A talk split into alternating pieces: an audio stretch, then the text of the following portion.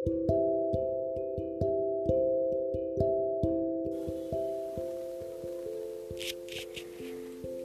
Kesedihan hanya beberapa bulan setelah piagam pemboikotan dihapus, Rasulullah Shallallahu Alaihi Wasallam kembali mengalami ujian besar.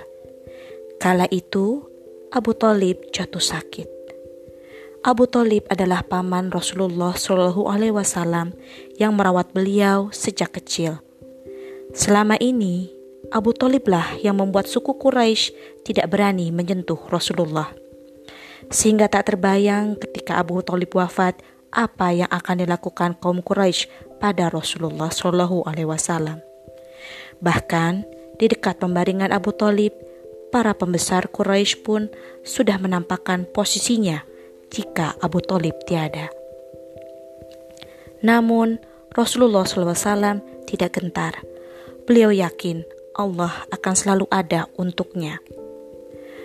Rasulullah SAW menghampiri Abu Talib di pembaringannya.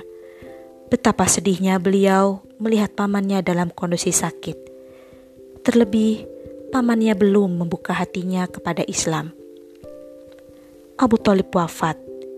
Kini hilanglah salah seorang pelindung Rasulullah.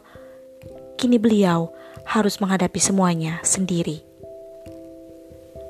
Namun, kedukaan ini belum berakhir.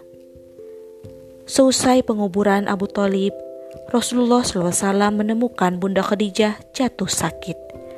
Semakin hari wajah Bunda Khadijah semakin pucat, namun bibirnya tetap tersenyum lembut kepada Rasulullah, hingga membuat Rasulullah terharu.